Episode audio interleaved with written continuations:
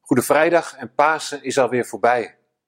Maar wat Goede Vrijdag en Pasen heeft uitgewerkt, dat gaat nooit voorbij.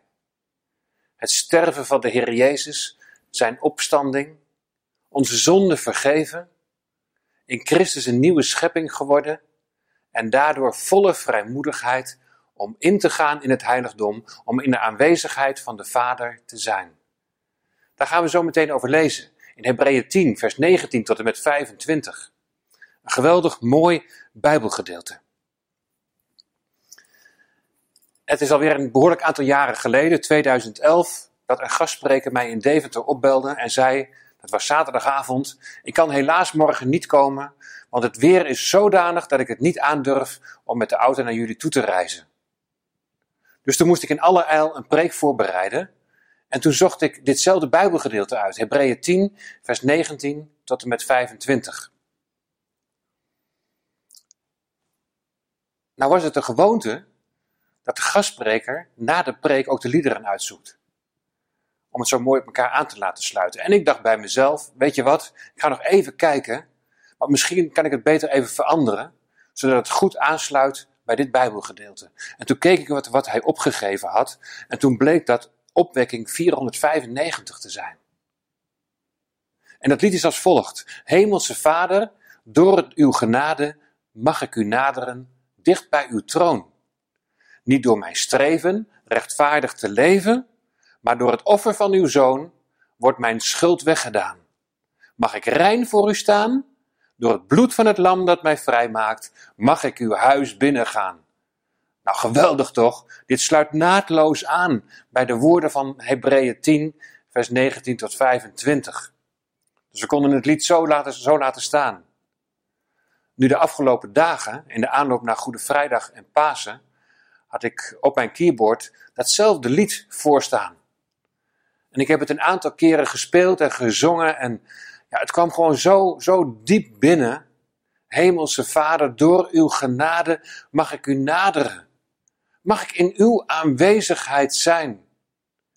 En wat was dat een geweldig besef, ook in, in die periode van bidden en vasten. Heer, ik ben in uw tegenwoordigheid. Zijn we ons daar wel altijd van bewust? Want hij is zo dichtbij gekomen, hij woont door zijn geest in ons hart. In zijn aanwezigheid zijn. Toen ik de de aantekeningen van die preek destijds, dus in 2011, nog eens nakeek, toen zag ik daar een opmerking dat iemand tegen ons had gezegd, toen in december 2011, het wordt volgend jaar een bijzonder jaar. Nu heb ik aan het begin van dit seizoen tegen Karin gezegd, ik neem een tussenjaar voor mijn studie. Want ik denk dat het een bijzonder jaar wordt. En toen keek ze me aan en toen zei ze, waarom? Wat bedoel je precies? Zei, ja, ik, ik heb geen idee. Maar dat, dat komt zo naar me toe. Ik heb, ik heb het idee dat het een bijzonder jaar, een bijzonder seizoen gaat worden. Nou, het is inderdaad een heel bijzonder seizoen. Wie had ooit gedacht dat we als gemeente niet zouden kunnen samenkomen? Wie had gedacht dat door een virus de hele wereld op slot zou gaan? Wie had gedacht dat het hele economische leven stil zou komen te liggen? Hadden we ons toch nooit voor kunnen stellen? Een heel bijzonder seizoen. Maar nu denk ik dat dat bijzondere niet zozeer ligt in dat virus, in alles wat dat veroorzaakt, maar dat het vooral ligt in dat wat nog gaat komen als gevolg van dit hele gebeuren. En er wordt al zo vaak gezegd, het leven voor de coronacrisis zal niet meer hetzelfde zijn als het leven na de coronacrisis. Dus we gaan iets nieuws tegemoet. En wat betekent dat voor deze wereld waarin wij leven? En wat betekent dat dan voor ons als gelovigen? En we zijn stilgezet. En is het zo dat God ons in deze tijd, in deze periode, die zo apart is dat hij ons iets wil leren. Dat hij ons ergens bij wil bepalen. Dat hij ons een, een weg wil laten zien dat het inderdaad na deze crisis niet meer zo zal zijn als voorheen. Maar wat is dan die weg? En wat is dan dat bijzondere? Ik weet het niet. We mogen het de Heer vragen. Heer, wat is uw weg? Wat is uw verlangen? Ik ga het ook niet zomaar invullen. Maar wat ik wel weet, is dat het zo belangrijk is om dicht bij de Heer te leven. Steeds dat bewustzijn van in Zijn aanwezigheid zijn. Nou, daarover gaan we lezen. Hebreeën 10 vanaf vers 19. En we gaan het gewoon stapje voor stapje, vers voor vers, gaan we het door. En vers 19 begint met, omdat wij nu broeders, en daar zijn de zusters ook bij ingesloten, omdat we nu vrijmoedigheid hebben om in te gaan in het heiligdom door het bloed van Jezus. Er is vrijmoedigheid om in te gaan in het heiligdom. Er is vrijmoedigheid om in Gods aanwezigheid te zijn. Zijn we ons daar altijd van bewust? Dat we in Zijn aanwezigheid zijn. Hij is zo dichtbij gekomen. Zijn Heilige Geest is in ons hart uitgestort. Zo dichtbij is het besef daar als wij, zoals we dat vroeger deden, samen gingen zingen. Dat, dat je voor de troon van God staat met het verlangen, Heer, we willen U loven en prijzen. We willen U eren en aanbidden. Komen in het heiligdom. Ja, en niet door rechtvaardige daden, niet door eigen prestaties, maar enkel en alleen door het bloed van de Heer Jezus. Als je kijkt in het hoofdstuk hiervoor, in hoofdstuk 9, eh, vers 12, daar staat dat de Heer Jezus door zijn eigen bloed voor eens en altijd binnengegaan is in het heiligdom en dat hij daardoor een eeuwige verlossing teweeg heeft gebracht. De Heer Jezus is ons voorgegaan. Hij, de hemelse hoge priester, is het hemelse heiligdom ingegaan. Heeft daar als hoge priester als het ware zijn bloed gesprengd. En tegen vader gezegd, vader, het is volbracht. Er is toegang voor uw kinderen, die komen op grond van het bloed. Kinderen die gereinigd en geheiligd zijn. En dan staat er nog een paar versen verder in hoofdstuk 9, vers 22. Zonder het vergieten van bloed vindt er geen vergeving plaats.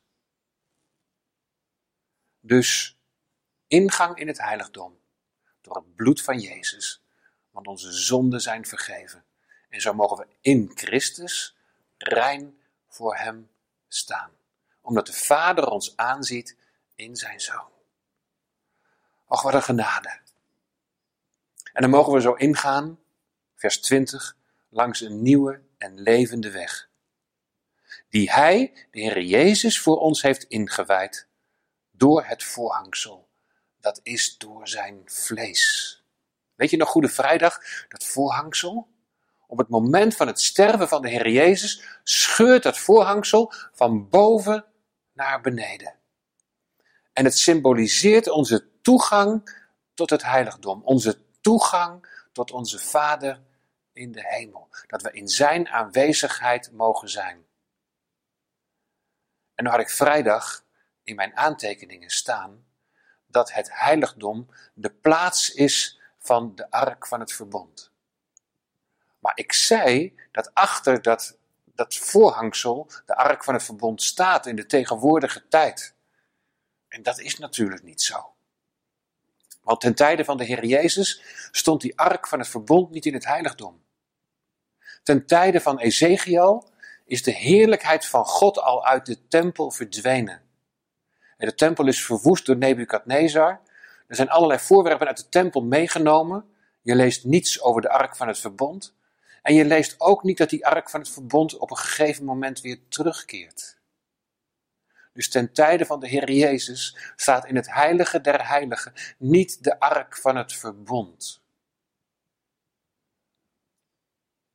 Het is dus ook niet zo dat de priester, die daar op dat moment bezig was toen het kleed scheurde met dat reukofferaltaar, dat hij ook letterlijk zicht kreeg op de ark van het verbond. Nou, het was heel goed dat iemand mij daar ook opmerkzaam op maakte. En daarom wil ik me dat bij deze ook even rechtzetten. Er is toegang naar de aanwezigheid tot God door een nieuwe en een levende weg die ingewijd is door dat voorhangsel, dat is door het vlees van de Heer Jezus.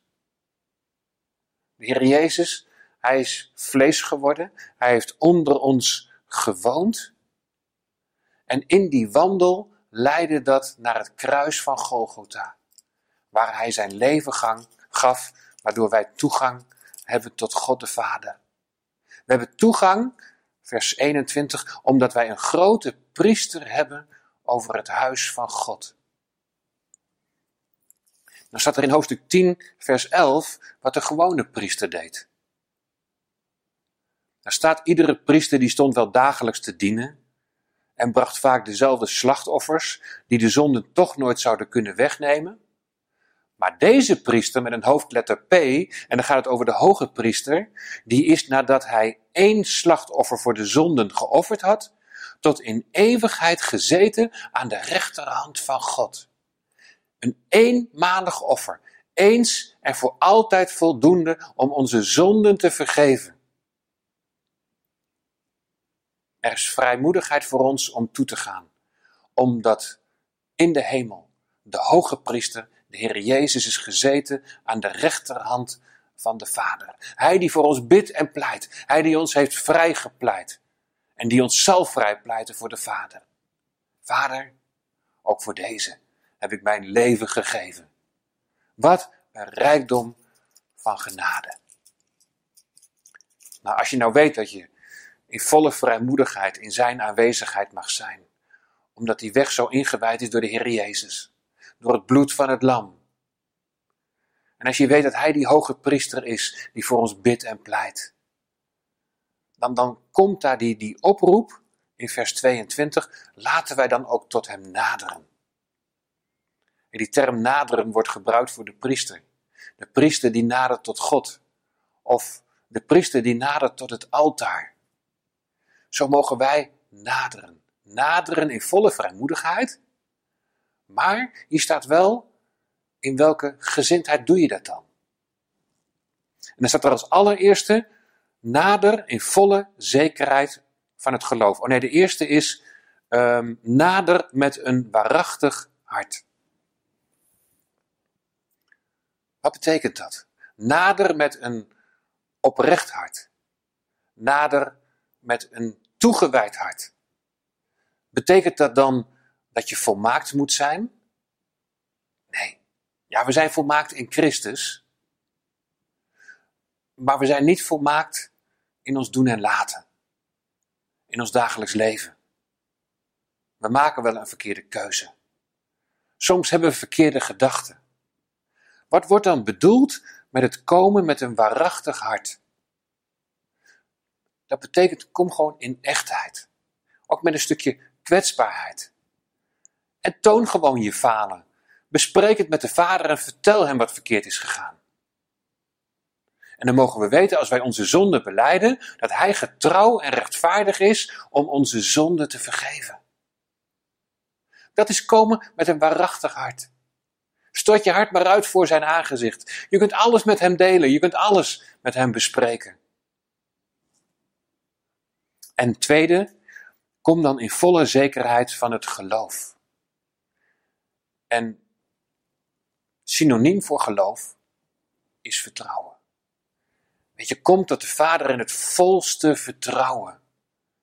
Niet dat je daarin vertrouwt op je eigen werken, dat je niet vertrouwt op jouw goede daden, maar dat je komt in het volste vertrouwen, omdat je weet wie troont aan zijn rechterhand. Jouw Heer en Heiland, die zijn leven voor jou gaf, die zijn leven heeft afgelegd om onze zonde te vergeven. Hij die ons vrijpleit. Kom met een waarachtig hart en in volle verzekerdheid van het geloof. Want en dan lezen we verder. Ons hart is toch gereinigd van een slecht geweten. En je geweten werd eerst aangeklaagd. En de Heilige Geest overtuigt van zonde. Hij liet die kloof zien die er tussen jou en God was. En hij, hij, liet ook zien wat het allemaal ja, tot gevolg had. Je zondige daden. Je werd in je geweten aangeklaagd. Maar nu, door het bloed van het lam, is je hart gereinigd van een slecht geweten. En ons lichaam gewassen met rein water. De doop. Want dat is immers een bede tot, van een goed geweten tot God. Ons lichaam is gewassen met rein water. En toen we zijn gedoopt, toen hebben we daarvan getuigd. We zijn met Christus gestorven. Ons oude leven dat ons zo ver bij God vandaan hield, dat is afgelegd, dat is weggedaan. En in Christus zijn we een nieuwe schepping geworden. Laten we de beleidenis, vers 23 van de hoop, onwrikbaar vasthouden. En toen je werd gedood, heb je getuigd van die hoop die in je is. Nou laten we de beleidenis van de hoop en de hoop die wij hebben, die gaat over de grens van dit aardse leven heen naar het altijd bij de Heer Jezus zijn. Altijd bij Hem verblijven. Laten we de beleidenis van de hoop onwrikbaar vasthouden, want Hij die het beloofd heeft, dat het beste nog gaat komen, Hij is getrouw. En intussen, terwijl we nog hier zijn, vers 24, laten we op elkaar letten door elkaar aan te vuren tot liefde en goede werken.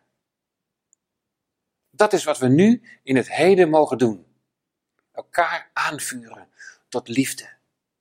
Dat de liefde die in onze harten is uitgestort door de Heilige Geest, dat die liefde ook, dat we daarvan zullen overstromen. Naar elkaar, naar onze naasten.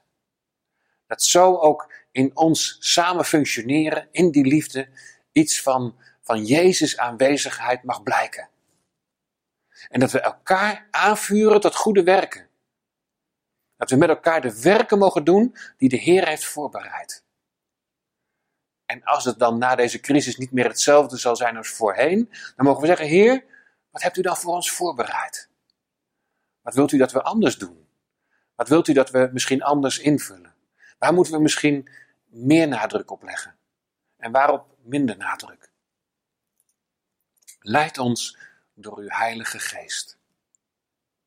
Ja, vers 25, tenminste zoals die dan vaak wordt uitgelegd, ja, dat is dan een beetje vreemd om die nu te lezen.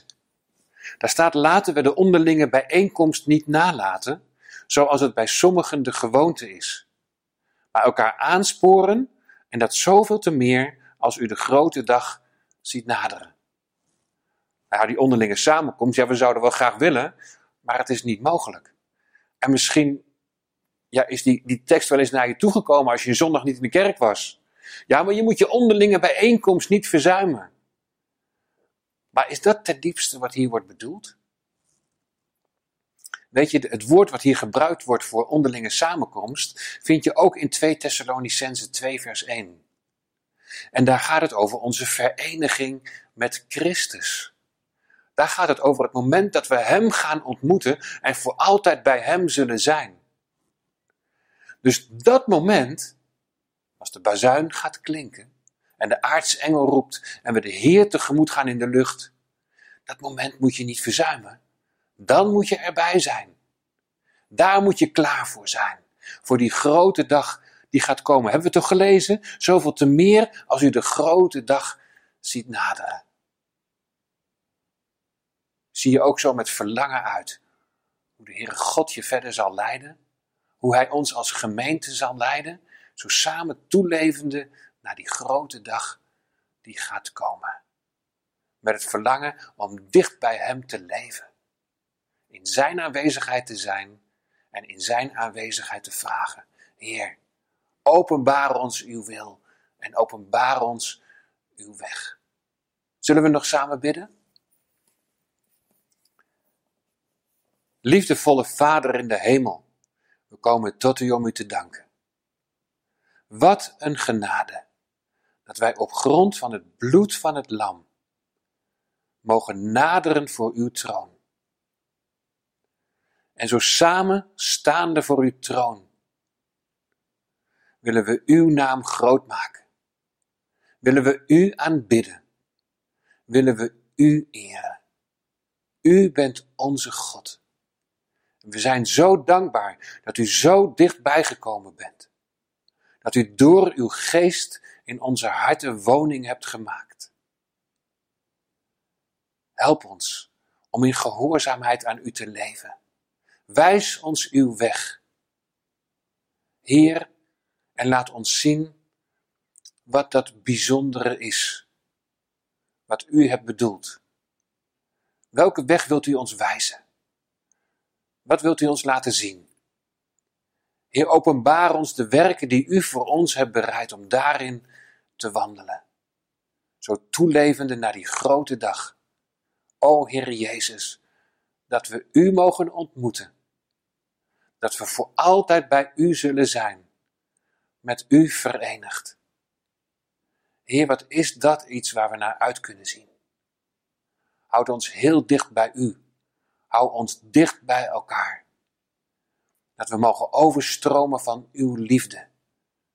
Dat we naar elkaar toe en naar deze wereld ook de liefde van Jezus mogen laten zien. Heer, leid ons. Wees met allen die het moeilijk hebben. Wees u met de zieken.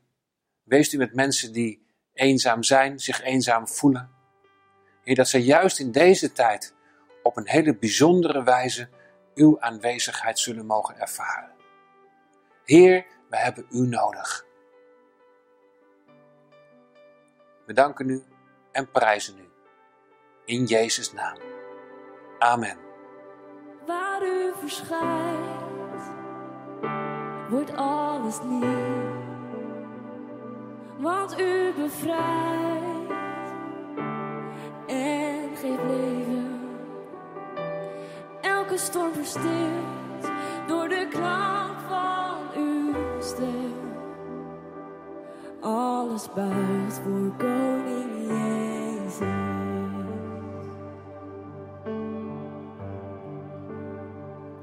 U bent de held die voor ons strijdt. U baant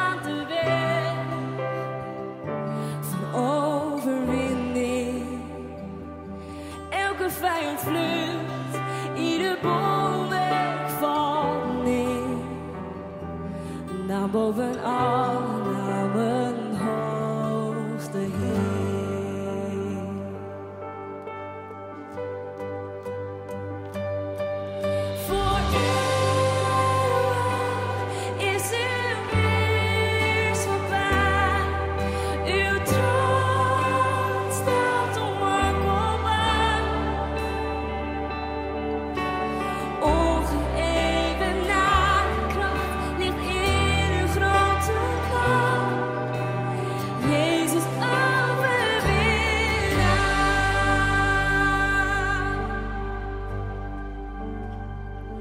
De duisternis ligt ook door u.